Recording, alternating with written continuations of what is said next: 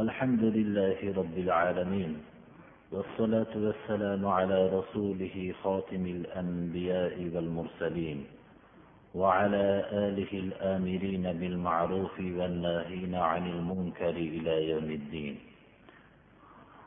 أما بعد السلام عليكم ورحمة الله.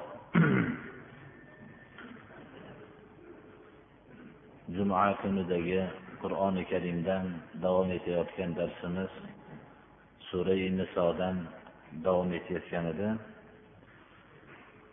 استعيذ بالله يا أيها الذين آمنوا لا يحل لكم أن ترثوا النساء كرها ولا تعبلوهن لتذهبوا ببعض ما آتيتموهن إلا أن يأتين بفاحشة مبينة.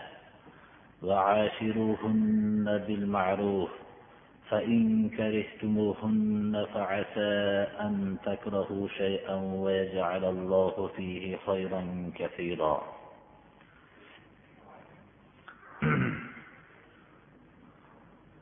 Avvalgi darslarimizda alloh subhanahu va taolo meros haqida bizlarga bayon qilgan ahkomlarni o'rgandik. Meros haqidagi ahkomlardan keyin bu meros haqidagi ahkomlar ollohning hududlari kim ollohning ko'rsatmalariga ergashsa katta bir najotga erishishligini agar ollohning ko'rsatmalariga ergashmasa qattiq bir azobga ro'baro bo'lishligini bayon qiluvchi oyatlarni o'rgandik. Undan keyin gunoh fohisha ishlar bilan shug'ullangan kishilarning jazolarini bildiruvchi oyatlarni o'rgandik. Va shu bilan birga alloh subhanahu va taolo shuncha gunohlarni qilgan bandalarga ham tavba darvozasini ochib qo'yganligini tavba darvozasi lekin doim ochiqmas ekanligini jonlari taslim qilinadigan vaqtgacha yetib borgan kishilarga alloh subhanahu va taolo ularning tavbalarini qabul qilmasligini bayon qiluvchi oyatlarni o'rgandik. Bugungi darsimizda qur'oni karimda ayol mavzusi haqida hozirgi oyatda bayon qilinadi. Arab johiliyatida islom kelishligidan ilgari ayollar turli bir azoblarni ko'rishardi. Ular turmush qilganda ham hatto tug'ilgan vaqtidan tortib kamsitilardi tug'ilganda ham kamsitilardi turmush qilgan vaqtida ham kamsitilardi turmushdan ajralgan holatida ham unga zulm qilinardi. Hattoinki johiliyat davrida bu ayol kishining kamsitilinishligi unga zulm qilishligi haqidagi bo'lgan xabarlarni eshitmagan ko'p ayollar bular islomning ularga bergan qanchalik hurriyatini qanchalik ularga bergan marhamatlarini bilishmaydilar. Agar bir kishi vafot qiladigan bo'lsa shu kishining qarindoshlari uning ayoliga haqliroq edi. Xuddi hayvonlar chorpolari meros bo'lib qolgandek uning ayoli ham meros bo'lib qolardi. Xohlasa shu o'zlari turmush qilib olardi. Agar xohlasalar boshqalarga berib mahrini o'zlari olib qolishardi. Xuddi bir kishidan qolgan hayvonlarni sotib pulini olib qolingandek. Agar xohlashsa uyda ushlab turishardi hattoki mahrini berib o'zini qutultirib yuborguncha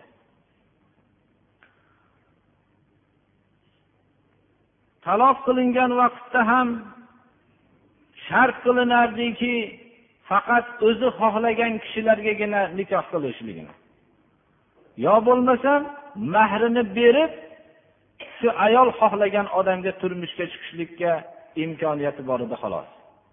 Xullas johiliyat davrida har bir johiliyatda ayolga zulm qilingandek doim zulm qilinib kelgan. Qur'oni karimning mana bu oyatida ey iymon keltirgan kishilar sizlarga halolmas mumkinmas ayollarga majburan merosxo'r bo'lib olmoqliginglar. Mana hozir aytib o'tdik xuddi hayvonlarga merosxo'r bo'lgandek ayollarga ham merosxo'r bo'lib olishardilar. Ularni nikohdan man qilmanglar. Yoyinki o'zinglar xohlagan kishilargagina turmushga chiqishlikka majbur qilmanglar. Ular sizlarga bergan mahrlarning ba'zilarini olmoq maqsadinglarda. Magar ochiq bir fohisha buzuq ishlarni qilgan suratdagina unda bularni nikohdan man qilsanglar bo'ladi. Mana avvalgi darsimizda aytdik zino bilan qo'lga tushgan ayolni uyda saqlab turishlikka alloh taolo buyurdi. To zino haddi nozil bo'lguncha. Ammo zino haddi nozil bo'lgandan keyin shu hadni ijro qilindi. Mana bu oyat ham shunga dalolat qiladiki bu payg'ambarimiz sollallohu alayhi vasallamga zino haqidagi had nozil bo'lishligidan ilgari bo'lganligiga. Ya'ni ochiq bir gunohni qilgan vaqtida uni hech qanday nikohga berishlikdan mahrum qilib uyda saqlab turinglar degan oyat zino haddi nozil bo'lishligidan ilgari bo'lgan. Ayollar bilan alloh subhanahu va taolo yaxshilik bilan ishrat hayot kechirishlikka buyuryapti. Alloh subhanahu va taolo ayollar bilan yaxshi munosabatda yashashlikka erkaklarni buyuryapti. Va bu yaxshi hayot kechirishlikni ularning zimmasiga vazifa qilib qo'yyapti. فإن كرهتموهن فعسى أن تكرهوا شيئا ويجعل الله فيه خيرا كثيرا agar sizlar ayollarni yoqtirmay qolgan bo'lsanglar turmushda ular bilan birga yashashlikni xohlamay qolgan bo'lsanglar sizlar xohlamagan narsa doim yaxshilik bo'lavermaydi mumkin sizlar bir narsani yomon ko'rsanglaru alloh subhanahu va taolo shu sizlar yomon ko'rgan narsada sizlar uchun ko'p yaxshiliklarni qilgan bo'lsa agar bir kishi o'zini ayolini yoqtirmay qolgan bo'lsa shu bilan uning hayotini buzishligi lozim kelmaydi. Mumkin shu yomon ko'rgan ayolidan shunday farzandlar vujudga kelarki uning qiyomatgacha butun ajralanib turishligiga sabab bo'ladigan farzand bo'lib yetishar. Inson bir narsani yomon ko'rishligi bilan bu narsa yomon deb o'zining tarozisi bilan o'lchashligi mumkin emas. Mana qur'oni karimda bu yerda bizga ogohlantirilyaptiki ayollarni agar yomon ko'rib qolgan bo'lsanglar mumkin sizlar bir narsani yomon ko'rarsizlar alloh subhanahu va taolo xuddi shu yomon ko'rgan narsanglarda ko'p yaxshiliklarni qilishligi mumkin. umar ibn hattob roziyallohu anhuni huzurlariga bir kishi keldilarda u kishidan maslahat so'radilarki men ayolimni taloq qilmoqchiman dedilar. Sababini so'raganlarida men endi uni yoqtirmay qoldim yaxshi ko'rmayman dedilar. Shunda aytdilarki alam tubnal illa dedilar. Ey holingga voy bo'lsin. Xonadonlar turmush faqat muhabbat asosiga qurilganmidi? Bu yerdagi ollohni hududlarini rioya qilishlik bu yerda ollohni buyruqlarini xonadonda rioya qilishlik asosiga qurilgan. Go'yoki oila alloh subhanahu va taoloning insonlarga bergan bir kichik bir mamlakati. Bu mamlakatda ollohning hukmlarini rioya qilishlik bilan katta bir darajatlarga erishiladigan maydondir. Muhabbat bo'lmasanglar ajralishlikka bu qurilgan emas bu xonadon. Hozirgi zamon faylasuf deb o'zlarini sanagan kishilar xonadonni faqat bir o'tkinchi bir muhabbat asosiga qurishganlar. Shuning uchun biror bir xonadon hammasi muhabbatsiz xonadon qurmasligiga qaramasdan hammalari muhabbat asosida uy qurishligiga binoan shunday bo'lishligiga qaramasdan taloqdan ko'ra ko'proq narsa yo'q birodarlar hozirgi vaqtda. Ammo ilgarigi bizlarning talab deb mazammat qilingan davrlarimizda o'zlarining ota onalarini ko'rsatmasi asosida xonadon qurgan xonadonlar bir umrga sodiq bo'lib yashashgan. Shuning uchun bu o'tkinchi muhabbat degan narsa bu shahvoniy bir qoniqtirilishlik asosiga qurilingan narsa emas. Oila alloh subhanahu va taoloning huzurida bir katta e'tiborda turadi. Qur'oni karimda oila haqqiga ajratilingan oyatdaqa ko'p oyat yo'q birodarlar. Chunki oila jamiyatning bir g'ishtini tashkil qiladi. Agar bu oila mukammal bo'lmas ekan undan tashkil topgan jamiyat binosi chirigan g'ishtlardan tashkil topgan binodir ana. Umar ibn hattobning bu so'zi hamma davrda ham tushunarli bo'lmasa hozirgi davrda tushunarli bo'ldi. Agar muhabbat asosigagina oila davom etishligi kerak bo'ladigan bo'lsa bir kunda o'zi oilada nechi marta taloq nechi marta nikoh vujudga keladi. Inson o'zini oilada faqat javobgar shaxs deb his qilmoqligi kerakdir umar ibn hattobning mana bu so'zi oila quruvchi kishilarga oilani qurgan kishilarga bir oltin harflar bilan yozib olinadigan so'zki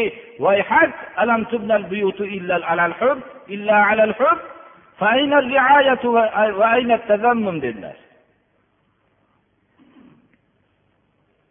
Lekin islom insonni toqatdan tashqari narsaga taklif qilmaydi. Shunchalik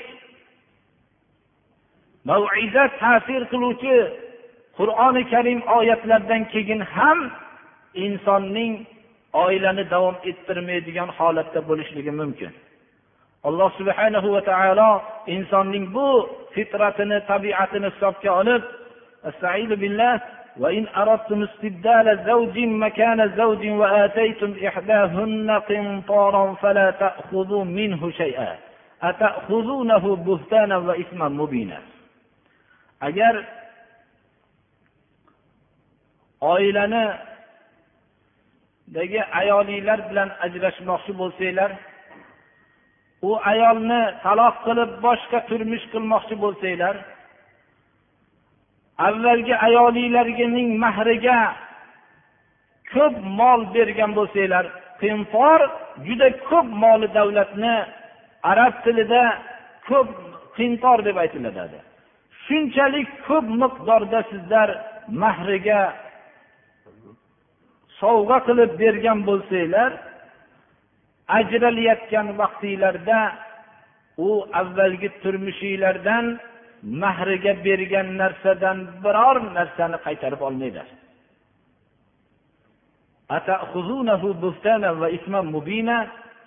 Sizlar ochiq bo'htonu ochiq bir gunohni olasizlarmi? sizlar mahrga bergan narsani qaytarib olayotgan vaqtinglarda judo bo'lib taloq qilgan vaqtinglarda mahrga bergan narsani qaytarib oladigan bo'lsanglar sizlar mol emas balki ochiq gunohni qaytarib olgan bo'lasizlar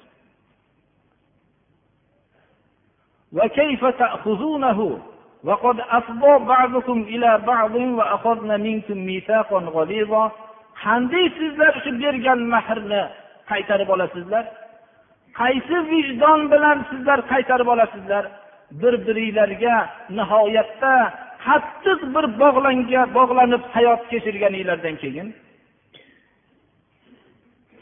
va ayollar sizlardan nikoh aqdiki mustahkam bir aqd paymonni olgandan keyin sizlar qanday qaytarib olasizlar? Haqiqatda ham nikoh vaqtida o'zini bag'ishlagan vaqtida u qabul qilgan edi. Qabul qilib qattiq paymon bergan edi. Shu vaqtda mahrni ado qilishlikka paymon bergan edi va o'zining hayotida bir biri bilan hech qaysi bir kishi bilan bog'lanmagan hayotni qurgan edi. U birga hayot qurishlik fikrida bog'langan edi. U butun moli davlatini omonat qo'yishlik fikrida bog'langan edi. U kelajak nasllari haqida bir biri bilan fikrida bog'langan edi. Va qiyomatgacha nasllarining pok bo'lishligi haqida maslahatlashib bog'langan edi. Xullas ba'zi hayotlarda hatto oxiratda ham birga bo'lishlik haqida ahdi paymonlar bilan bog'langan edi. Shunday ahdi paymonlar bilan bog'lanib turib qanday bergan ozgina moddiy boyliginglarni qaytarib olasizlar? Alloh subhanahu va taolo mana bu bizlarga bergan nasihati agar ta'sir qilmasa boshqa gaplar ta'sir qilmaydi birodarlar. Hatto nikohlar buzilgan vaqtida nikoh vaqt buzilishlikdagi shuncha zulmlarga qo'shib insonlar oddiy narsalarni ham qaytarib olishadilar. Alloh subhanahu va taolo shu narsani pokiza qurgan hayotni esga solyaptiki agar sizlar shu birga yashayotgan vaqtinglarda qanchalik bir biringlarga ahdi paymonlar bergan edinglar.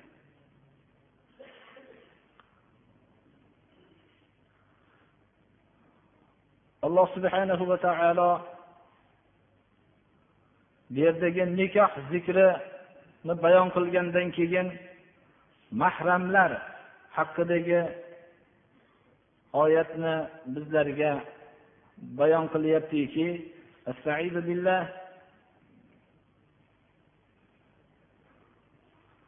ولا تنكحوا ما نكح آباؤكم من النساء إلا ما قد سلف إنه كان فاحشة ومقتا وساء سبيلا zamoni johiliyatda otalari nikohlab olgan ayolni otalari vafot qilib ketgandan keyin shu ayolni ya'ni hukman o'zining onasi bo'lib qolgan ayolni farzandlari olardi. Agar yosh bo'lsa voyaga yetib turishligini boshqa qarindoshlar kutib turardida shu ayolni shu bolaga olib berishardi. Alloh subhanahu va taolo mana bu johiliyat odatini qaytarib badiylar turmush qilgan ayollarni sizlar nikohlamanglar. Johiliyat davrida o'tib ketganlarini alloh taolo afu qildi. Ammo islom kelgandan keyin bu hukmni sizlar takrorlamanglar bu nihoyat darajada fohisha bir qattiq bir xunuk ish. Bu juda ham yomon yo'ldir deb alloh taolo bundan qaytaryapti. Islom bo'lmasa insonlar shu darajada o'zlarining dadalari nikohlab olgan ayolni ham olishlikdan uyalmaydigan bir holatda qoladi.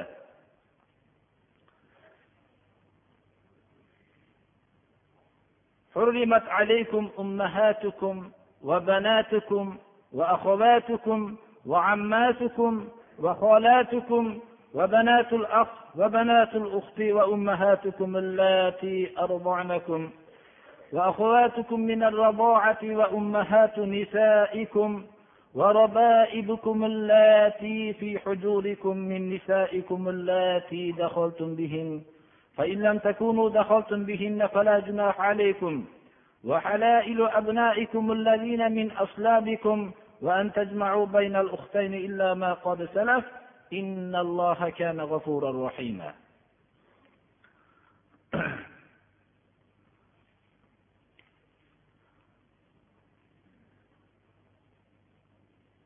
islomdagi mahramlar haqidagi oyatdir bu shu oyatda islom kimlar bilan nikoh qilishlik durust emaslik haqida o'zining hukmini bayon qilyapti. Ba'zi mahramlar qarindosh bo'lishlik sababi bilan mahram bo'ladi. Ba'zi mahramlar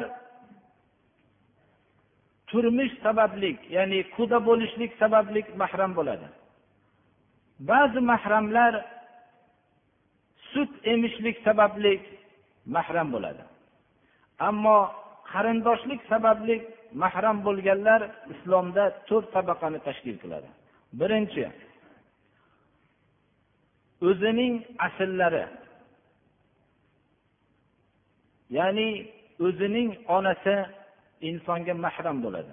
Qur'oni karimda birinchi marta zikr qilinyapti. Sizlarga onanglar nikohi harom qilindi ya'ni mahram bo'ldi bular. O'zining onasi va onasining onasi yoyinki dadasini onasi yuqoridagi onalar hammasi bular mahramlar safidan o'rin oladi. Yaqin qarindoshlik bilan mahram bo'lganlarning ikkinchisi insonning o'zini qizlari. bular mahramlaridir uchinchisi dadasining farzandlari ya'ni agar kishiga mana dadasining farzandlari opa singillari hammasi mahram bo'ladi agar qiz bola bo'lsa aka ukalari hammasi mahram bo'ladi qur'oni karimda حرمت عليكم أمهاتكم وبناتكم وأخواتكم ya'ni opa singillar hammasi mahram bo'ladi.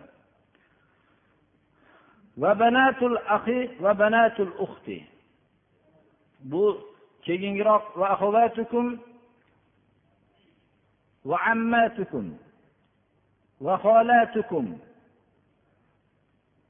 opa dadasining farzandlari ham insonga mahram bo'ladi. Opa dadasining farzandlari insonning mana ammalari hisoblanadi. Agar qiz bola bo'lsa amakilari mahram bo'ladi. Va opa dadasining farzandlaridan tashqari yana boshqa farzandlar ya'ni ona tarafdan bog'langan bo'lsa xolalari bo'ladi. Kishining xolalari mahramlaridir bu.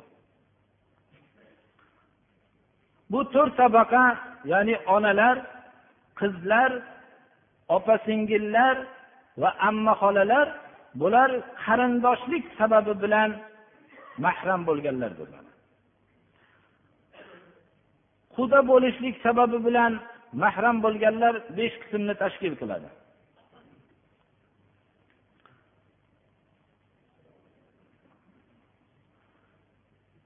Ayolining asllari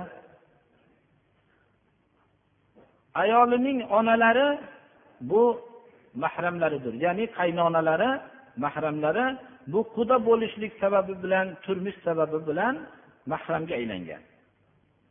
Bu ummahatu nisaikum oyatidan bizga mafhum bo'lgan kalimadir bu. Ikkinchisi ayolining farzandlari. Bir kishi turmush qilgan bo'lsa ayolining farzandlari bo'lgan bo'lsa bular bunga mahramga aylanadi. Ya'ni ayolining qizi mahrami hisoblanadi.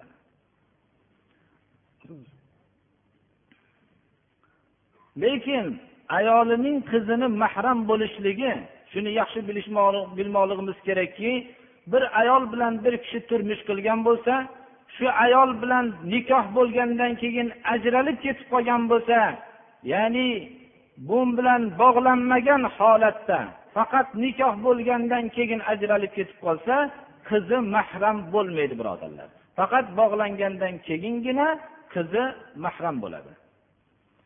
Uchinchi otasining ayollari. Dadasi bir turmush qilgan bo'lsa bu unga hukman ona bo'ladi. Ya'ni turmush sababli bu ayol unga hukman ona bo'lib mahramga aylanadi. To'rtinchi farzandlarining ayollari. Ya'ni bir kishi o'g'lini uylagan bo'lsa farzandining ayoli bunga mahramga aylanadi. Beshinchi ayolning opa singillari ham insonga mahramga aylanadi. Bir kishi turmush qurgan bo'lsa ayolining opa singillari buning mahrami hisoblanadi. Lekin bu mahram bo'lishlik vaqtincha mahram. Modomiki ayoli tirik bo'lar ekan unga mahram bo'ladi. Agar ajralib ketgan bo'lsa yo ayoli vafot qilgan bo'lsa shu kundan boshlab mahram bo'lmay qoladi.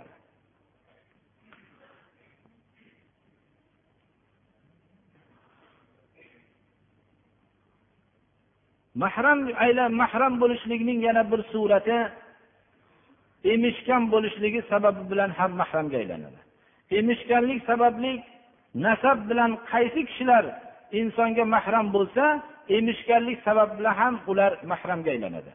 Birinchi razoan onasi ham mahramidir. Qur'oni karimda agar bir kishi bir ayolni emgan bo'lsa uning hukman onasi bo'ladi mahramiga aylanadi. Ikkinchi razoan qizi.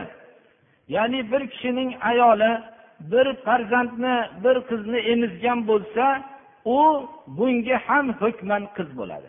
Demak razoan qizi hisoblanadi. Nasabdagi qizi ham mahram edi razoan emishgan qizi ham mahram bo'ladi. Emishgan opa singil ham mahram bo'ladi. Qur'oni karimda razoan bo'lgan opa singillar ham mahramdir. Ya'ni bir kishining bir bolani onasini bir qiz emgan bo'lsa bu hukman agar katta bo'lsa opa agar kichik bo'lsa singil hisoblanadi. Bular bir biriga mahram hisoblanadi xuddi opa ukalarga o'xshagan. To'rtinchi razoan amma xolalar. Razoan amma xola bo'lgan misoli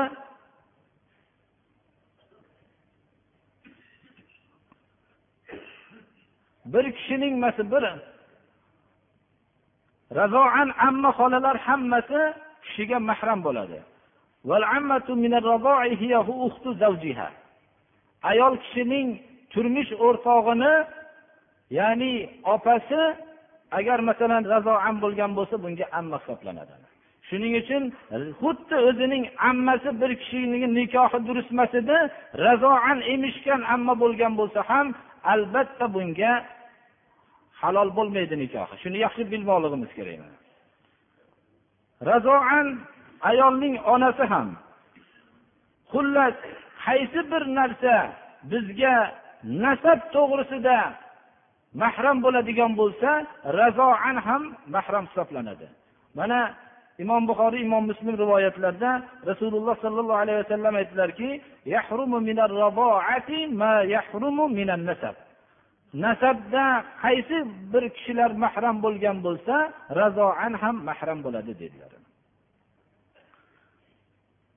Ammo hozirgi vaqtda bizlar nasab to'g'risidagi mahramlarni ajratgan bo'lsak ham o'zimiz boshqa bir bu razo ma'nosidagi hukmlarni bilmasligimiz natijasida emishganlar haqida fikrlashlik boshqa shariat hukmlarini fikrlamaganga o'xshagan kishilarning o'rtasida bir beparvolik paydo bo'lgan. Razoan bo'lgan qarindoshlar ya'ni emishgan qarindoshlar xuddi nasabdagi qarindoshlarni hukmida bo'ladi.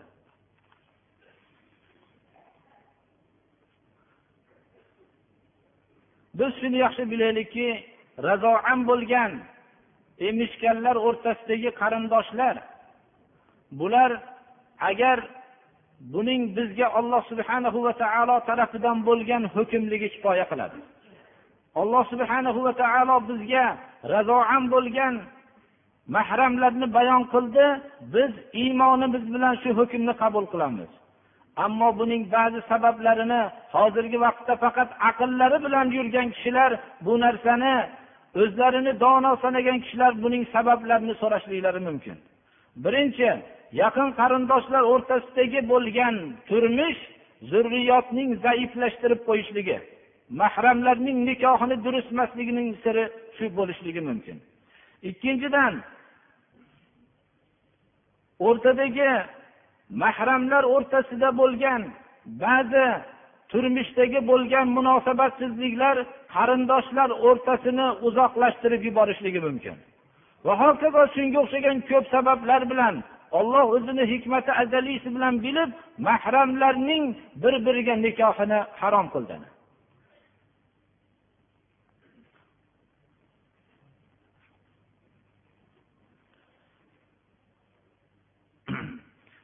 alloh subhanahu va taolo tarafidan kelgan hukmlarni bu bayon qilinganda hammasi minalloh olloh tarafidan farz. Insonning xohishi bo'lishligi mumkin emas buning iymoni bo'lgan kishi uning sabablarini so'rashligi mumkin emas lekin bularning olloh tarafidan bo'lgan hukmlarni quvvatli ekanligini bildirishlik uchun ba'zi sabablarni bayon qilinadi استعيذ بالله وما كان لمؤمن ولا مؤمنة إذا قضى الله ورسوله أمرا أن يكون لهم الخيرة من أمرهم ومن يعص الله ورسوله فقد ضل ضلالا مبينا xoh mo'min kishiga xoh mo'mina ayolga olloh rasuli bir hukmni qilgan bo'lsa uning ixtiyori bo'lishligi mumkin emas modomiki iymonni davo qilgan bo'lsa olloh tarafidan bo'lgan hukmni agarchi uning hikmatini bilmasa ham qabul qilmoqligi kerak. Agar kim olloh rasulining hukmiga itoat qilmasa alloh subhanahu va taoloning yo'lidan ochiqdan ochiq adashibdi. Mana bu narsa biz olloh tarafidan kelgan hukmlarni qabul qilishlikda agarchi ba'zi johiliyatlardagi bizda ham bu narsa mahramlar bor deb davo qilishgan bo'lsa ham lekin buni qabul qilishlik boshqa olloh tarafidan kelgan hukmni qabul qilishlik boshqa. Olloh tarafidan kelgan hukmni inson iymon sifati bilan qabul qiladi. Johiliyat davrida ham islomdan ilgarigi ba'zi mahramlar bor edi. Lekin shu bilan birga islom keldida uning boshqa bir markazga bog'ladi. boshqa markazga bog'lashligi bilan birga yana bu johiliyat davridagi ba'zi bir qabih bo'lgan nikohlarni hammasini harom qildi avvalgi darslarimizda bu narsa bayon qilingan edi alloh subhanahu va taolo hammamizni ham haq yo'lga hidoyat qilsin اللهم أرنا الحق حقا وارزقنا اتباعه وأرنا الباطل باطلا وارزقنا اجتنابه اللهم اجعلنا من الذين يستمعون القول فيتبعون أحسنه اللهم أعز الإسلام والمسلمين وأذل الشرك والمشركين. اللهم ألف بين قلوب المؤمنين في المشارق والمغارب واجمع كلمتهم. اللهم عليك أعداءك أعداء هذا الدين. وصلى الله تعالى على خير خلقه محمد وآله وأصحابه. اللهم تقبل منا هذه الصلاة. واعف عنا مع جميع نقصاناتها بفضلك وكرمك. أكرم الأكرمين يا أرحم الراحمين. اللهم أعنا على ذكرك وشكرك وحسن عبادتك.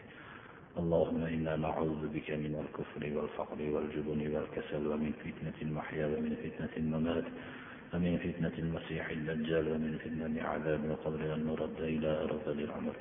وصلى الله تعالى على خير خلقه محمد وآله وأصحابه أجمعين. الله أكبر.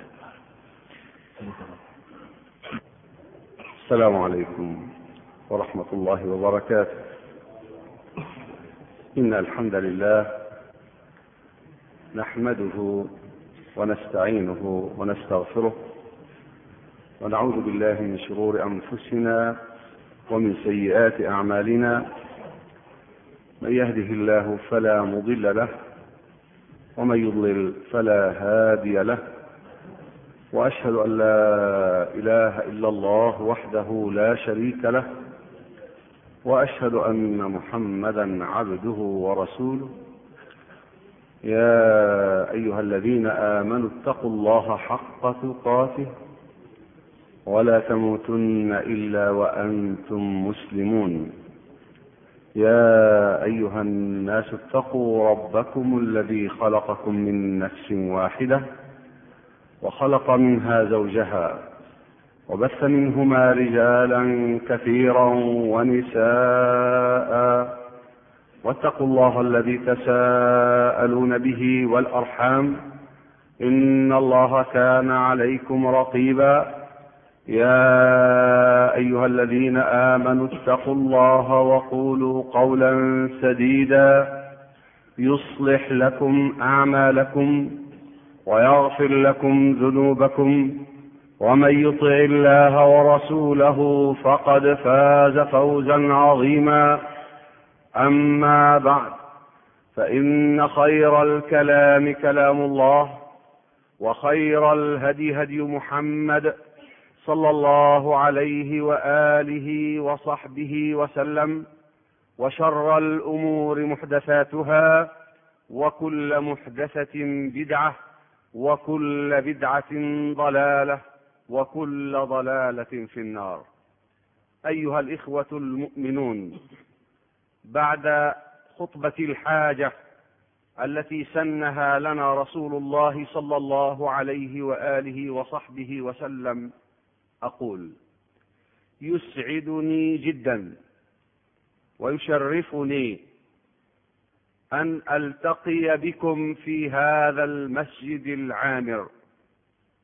وأسأل الله عز وجل أن يحشرنا جميعا تحت لواء سيد المرسلين محمد صلى الله عليه وآله وصحبه وسلم.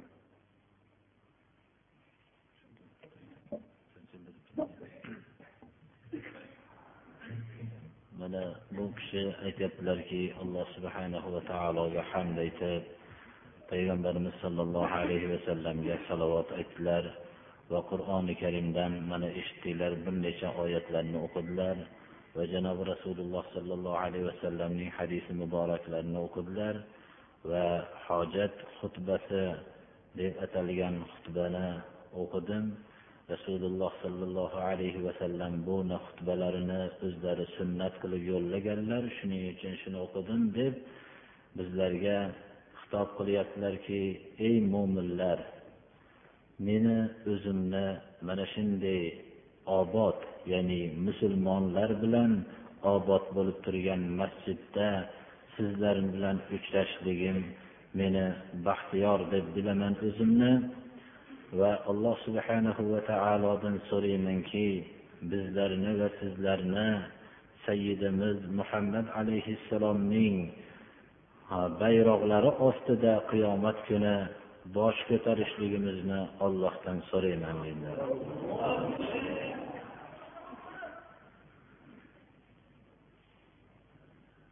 علينا ان نعرف لماذا خلقنا الله تبارك وتعالى ربنا عز وجل يقول في سوره الملك تبارك الذي بيده الملك وهو على كل شيء قدير الذي خلق الموت والحياة ليبلوكم أيكم أحسن عملا وهو العزيز الغفور.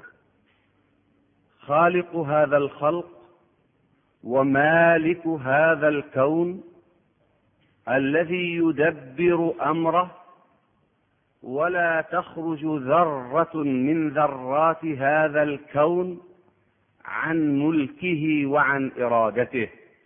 هو الله تبارك وتعالى له الأسماء الحسنى. تبارك الذي بيده الملك هذا الكون كله ملك لله تبارك وتعالى يتصرف فيه كما يشاء وكما يريد. لا ينازعه لا ينازعه في ملكه أحد من طواغيت الأرض وإنما هو الذي يتصرف كما قدر سبحانه وقضى. هو وحده الذي يتصرف وهو خالق الموت والحياة خلق الموت والحياة وقدم الموت. فالموت مخلوق من مخلوقات الله. هذا الإنسان بشحمه ولحمه يكون على قيد الحياة بجسمه فإذا به ميت من الذي أماته؟ إنه الله الواحد القهار الذي قضى أن كل شيء يفنى ويموت إلا هو سبحانه وتعالى. خلق الموت والحياة. لماذا؟ قال ليبلوكم أي ليختبركم ويمتحنكم. أيكم أحسن عملا؟ أي نحن في هذه الحياة الدنيا في امتحان وفي اختبار. يريد الله تبارك وتعالى أن يرى اعمالنا الصالحه من يحسن العمل ومن يسيء العمل aziz birodarlar avvalo biz o'zimizning nima uchun dunyoga kelganligimizni anglamoqligimiz kerak biz nima uchun yo'qdan biz bor qilindik bizni kim yaratdi alloh subhanahu va taolo mana surai mulkda استعيذ بالله تبارك الذي بيده الملك وهو على كل شيء قدير الذي خلق الموت والحياة ليبلوكم أيكم أحسن عملا bu ko'rinib turgan xalqning yaratuvchisi bu ko'rinib turgan xalq ichida zarracha miqdordagi narsa ollohning qudrat mulkidan zarracha tashqariga chiqa olmayotgan bu ko'rinib turgan mavjudot yerning o'zini zo'ravon sanagan butlari biror bu mulkdan zarrachasiga qodir bo'la olmaydigan bu mulk alloh subhanahu va taolo buni yaratdi. Bizlarni ham yaratdi. Nima uchun yaratdi? Bizlarni yaratilishligimizdan maqsad bizlarning imtihon qilinishlik uchun yaratdi. Alloh subhanahu va taolo mana shu oyatda mavt ya'ni o'limni muqaddam qilyapti hayotda. Demak bu biz jasadimiz bilan dunyodan o'tamiz. Bunda shak shubha yo'q. Dunyodan ko'z yumamiz. Bizni olloh bekor yaratgani yo'q. Har birimizni imtihon qiladi ishlik uchun yaratdiki nima uchun imtihonimiz nima bilan bo'ladi? Bizlarning qaysi birimiz yaxshi amalni qilamiz? Yaxshi amalni bajaradigan qaysi biringlar ekanliginglarni imtihon qilishlik uchun alloh subhanahu va taolo yaratdi. Mana bu narsani biz yaxshi anglamoqligimiz kerak alloh subhanahu va taolo bizga eshitish a'zosini berdi. Ko'rish a'zosini berdi. Fikrlashlik a'zosini berdi. Bularni hammasini shu a'zolarning yaratuvchisini yo'lida ishlatmoqligimiz uchun berdi. Bu a'zolarning yaratuvchisini esdan chiqarib buni hech birini yaratishlikda ishtirok etmagan yer butlariga ishlatmoqligimiz uchun bergani yo'q. Qaysi bir kishi bu olloh subhanahu va taolo o'zi yaratgan a'zolarning ollohni o'zini ya'ni yaratuvchisini yo'lida ishlatsa alloh subhanahu va taolo unga jannatni beradi. Qaysi bir kishi bu a'zolarni yer zo'ravon butlarini yo'lida yer podsholarini yo'lida ishlatsa odamlarni buyruqlariga itoat qildirib ollohni buyrug'iga osiy qildirib ishlatsa alloh subhanahu va taolo unga do'zax azobi bilan azoblaydi. Biz mukallafmiz bu berilgan a'zolarni yaratuvchisini yo'lida ishlatishlikka. Agar biz bu a'zolarni yaratuvchisi yo'lida ishlatar ekanmiz biz o'zimiz xor bo'lib qul bo'lib yurgan yer podshohlari bizga egilishga majbur bo'ladi. Agar biz alloh subhana va taolo bu bergan a'zolarni bu yer zo'ravon butlariga yo'lida ishlatsak shaytonga bir bo'ysundirib ishlatsak alloh subhanahu va taolo bizlarni xor qiladi. Xuddi mana xor qilganiga o'xshagan agar biz ollohni yo'lidagini ishlatsak xuddi avvalgi zotlar ashoblar bu a'zolarni faqat yaratuvchisi yo'lida ishlatgan ishlatishgan vaqtlarida odamlarni qul qilib olgan yer yuzidagi eng katta kisro va qaysar bu hukmdorliklari bo'ysunishlikka ashoblarga bo'ysunishlikka majbur bo'lishdilar vaholanki ular odamlarni qul qilib olgan edi.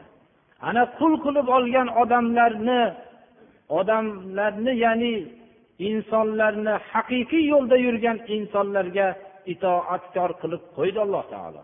Mana bu narsani biz o'zimizni hayotimizga ham bir tajriba qilib ko'rmoqligimiz. Yer yuzidagi yagona vohidul qahhor bo'lgan ollohni quli bo'la olsa uni hech qanday yerdagi bir quvvat qo'rqita olmaydi.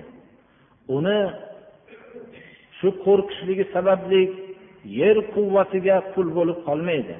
Shu bilan birga yerdagi qiziqtiradigan narsalar ham uni qiziqtira olmaydi. Dunyo shahovatlari uni o'zini maqsadiga yo'llay olmaydi. Yaratuvchini o'zini o'ziga qul bo'la olgan suratda unda shunday bir ajoyib bir quvvat paydo bo'ladi. Mo'min kishi doim o'zi mana kalima toyibada aytgandek uni o'ldirishlikka faqat olloh qodir uni yashatishlikka faqat olloh qodir unga rizq berishlikka faqat olloh qodir uning kasal qilib qo'yishlikka faqat olloh qodir uni tandurust bo'lishligiga faqat olloh qodir deb e'tiqod qilib yashamoqligi kerak. Agar unda shu e'tiqod hosil bo'ladigan bo'lsa agar bizlarda shu e'tiqod hosil bo'ladigan bo'lsa nima uchun biz qo'rquv bizda paydo bo'ladi yerdagi zo'ravon sanagan o'zlarini butlardan? Biz nima uchun ularning oldilaridagi narsalarni umid qilib ollohga qul bo'lmasdan ularga qul bo'lamiz? Ana bu narsa bizdagi shu qo'rquv va ularning oldilaridagi narsaga qiziqishlikdan bizlarga ular hech qanday foyda yetkazisholmaydi bizlarni o'ldira olmaydi ham yashata olmaydi ham bizlarga rizq ham bera olmaydi balki bizlarga zarar ham yetkaza olmaydi bizlarni tandurust ham qilolmaydi balki o'zlari uchun ham shu narsalarni paydo qilolmagan odamlardan nima uchun biz qo'rqib ularning oldilaridagi narsani umid qilib yashaymiz? Alloh subhana va taolo bizlarga shunday hayotdagi o'tgan bir davogir xudolik davosini qilgan bir nodon podshohlarning bittasini ibrohim alayhissalomning u bilan bo'lgan munozarasini bizga hikoya qilib beradiki mana qur'oni karimda billah alam tara ilallazi hajja ibrohima fi robbihi an atahullohul mulk. Olloh unga podshohlikni bersa bu podshohlikni berishlik unga shukur qilishlikka sabab bo'lishi kerak edi. U tug'yonga sabab bo'ldi. Sabab bo'lib ibrohim alayhissalom bilan hujjatlashgan bu podshohlikni ko'rmaysizmiki u ibrohim alayhissalom unga qarab rob taoloni tushuntirib bildirganda mening robbim tiriltirib o'ldiradi degan vaqtida u nodonlarcha surbetlarcha men ham birovlarni tiriltiraman va o'ldiraman dedi. Bu nihoyat darajada nodon edi. Ibrohim alayhissalom bunga o'zining nodonligini hech qanday narsaga quvvati yo'q ekanligini bildirishlik uchun boshqa bir tushunadigan misol qilib olib keldilarki meni robbim mashriqdan kunni chiqaradi. Sen buni mag'ribdan chiqarib berchi bo'lmasam ana shu vaqtda u hayron bo'lib qoldi. O'zining ahmoqligi nodonligini bildi. Mashriqdan mag'ribga oftobni mashriqdan chiqarib mag'ribga bottirayotgan zot alloh subhana va taolo. Bu bu tamomiy koinotdagi ishni olloh o'zi yurgizadi yerdagi but bo'lgan zo'ravonlar birortasi koinot ishiga aralasha olmaydi. Shuning uchun bu koinot salomat hech qanday birovga muhtoj bo'lmagan holatda harakat qilmoqda. Shuning uchun ham bandalarning yo'lini tuzib beradigan zot ham bu bandalarni va koinotni yaratgan zot bo'lmoqligi kerak. Agar bunga bu tuzishlikka boshqa odamlar aralashsa yer vayron bo'ladi bu odamlarning hayoti mana. Hozirda vayron bo'lganga o'xshagan. Shuning uchun odamlarning hisob qiladigan vaqt kelgan vaqtda faqat alloh subhanahu va taoloning o'zigina oftobni mag'ribdan mashriqqa chiqaradi.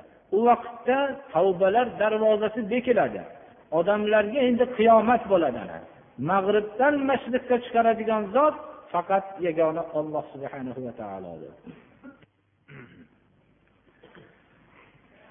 Alloh subhanahu va taolo mashriqdan chiqayotgan oftobni mag'ribdan chiqargan vaqtda iymon keltirishlik endi bekiladi. Tavba qilish darvozasi bekiladi. Shuning uchun biz alloh subhanahu va taologa iymon keltirib iymoni mufassalda aytilingan hamma ahkomlarga iymon keltirib o'zimizni hayotimizni tadbiq qilmoqligimiz kerak. Ibrohim alayhissalomning avlodidan mana janob rasululloh sollallohu alayhi vasallam ibrohim alayhissalomdan keyin alloh subhanahu va taolo qaysi bir payg'ambarni jo'natgan bo'lsa shu kishining avlodidan jo'natdi. Mana janobi rasululloh sollallohu alayhi vasallamning nasablari ismoil alayhissalomga boradi u kishi ibrohim alayhissalomning o'g'illari. Mana qur'oni karimda qaysi bir payg'ambarni olloh jo'natgan bo'lsa ulardan ahd oldiki albatta iymon keltirasizlar men muhammad alayhissalomni payg'ambar qilib jo'natgan bo'lsam deb.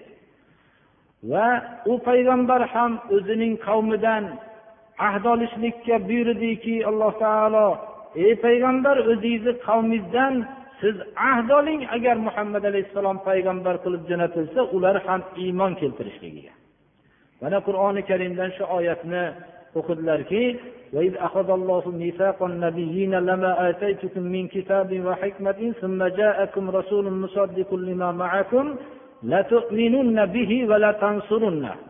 iymon keltiribgina qolmasdan shu payg'ambarga yordam berasizlar deb alloh taolo ahd oldi. Har bir payg'ambarni jo'natgan vaqtda. Demak bizlar uchun najot faqat bitta yo'l bo'lishligi mumkin. U yo'l biz olloh rasuliga payg'ambarimiz sollallohu alayhi vasallam ko'rsatgan ko'rsatma asosida iymon keltirib shu yo'lga amal qilganimizdagina shu najot yo'li bizlarga ko'rinadi. Bo'lmasam bizga boshqa najot yo'li yo'qdir agar biz har bir amalimizda rasululloh sollallohu alayhi vasallamning yo'liga muqayyat bo'lsak bizlarga alloh subhanahu va taolo tarafidan nusrat keladi. Agar shu mazmunni aytdilarki shu yo'lda biz albatta ashoblar sarf qilgandek mollarini jonlarini avlodlarini diyorlarini hammasini sarf qilishdilar.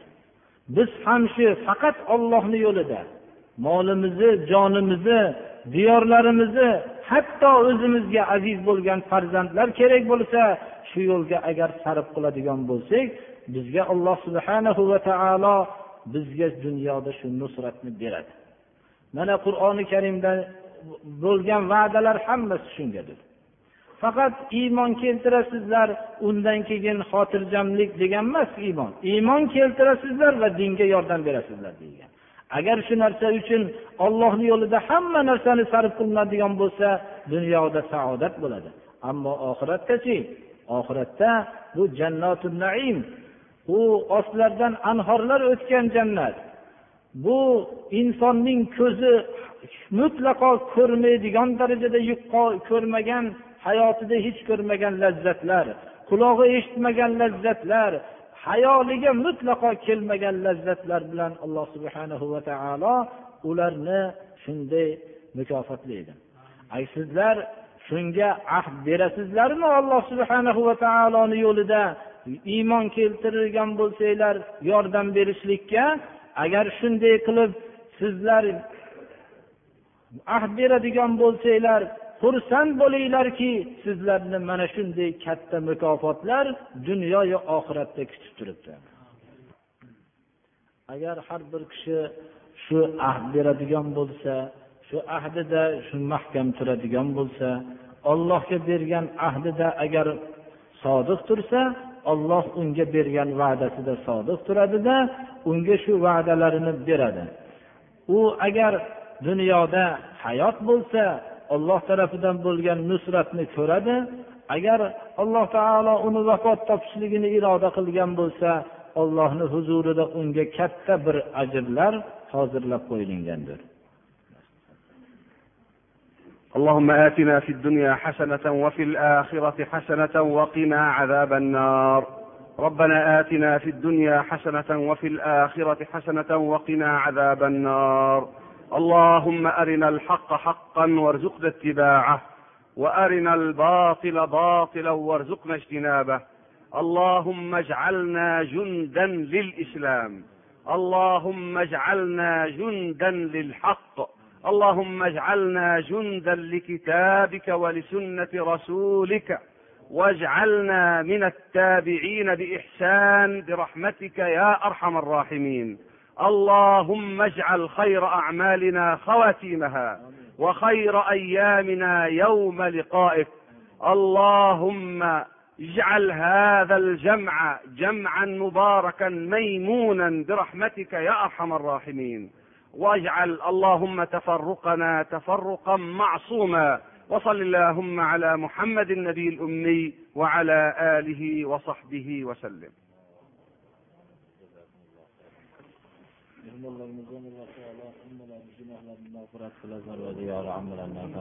dini islomda mana o'zlari duo qildilar dini islomni xizmatkorlardan qilsa hammamizni dedilar قلت عليكم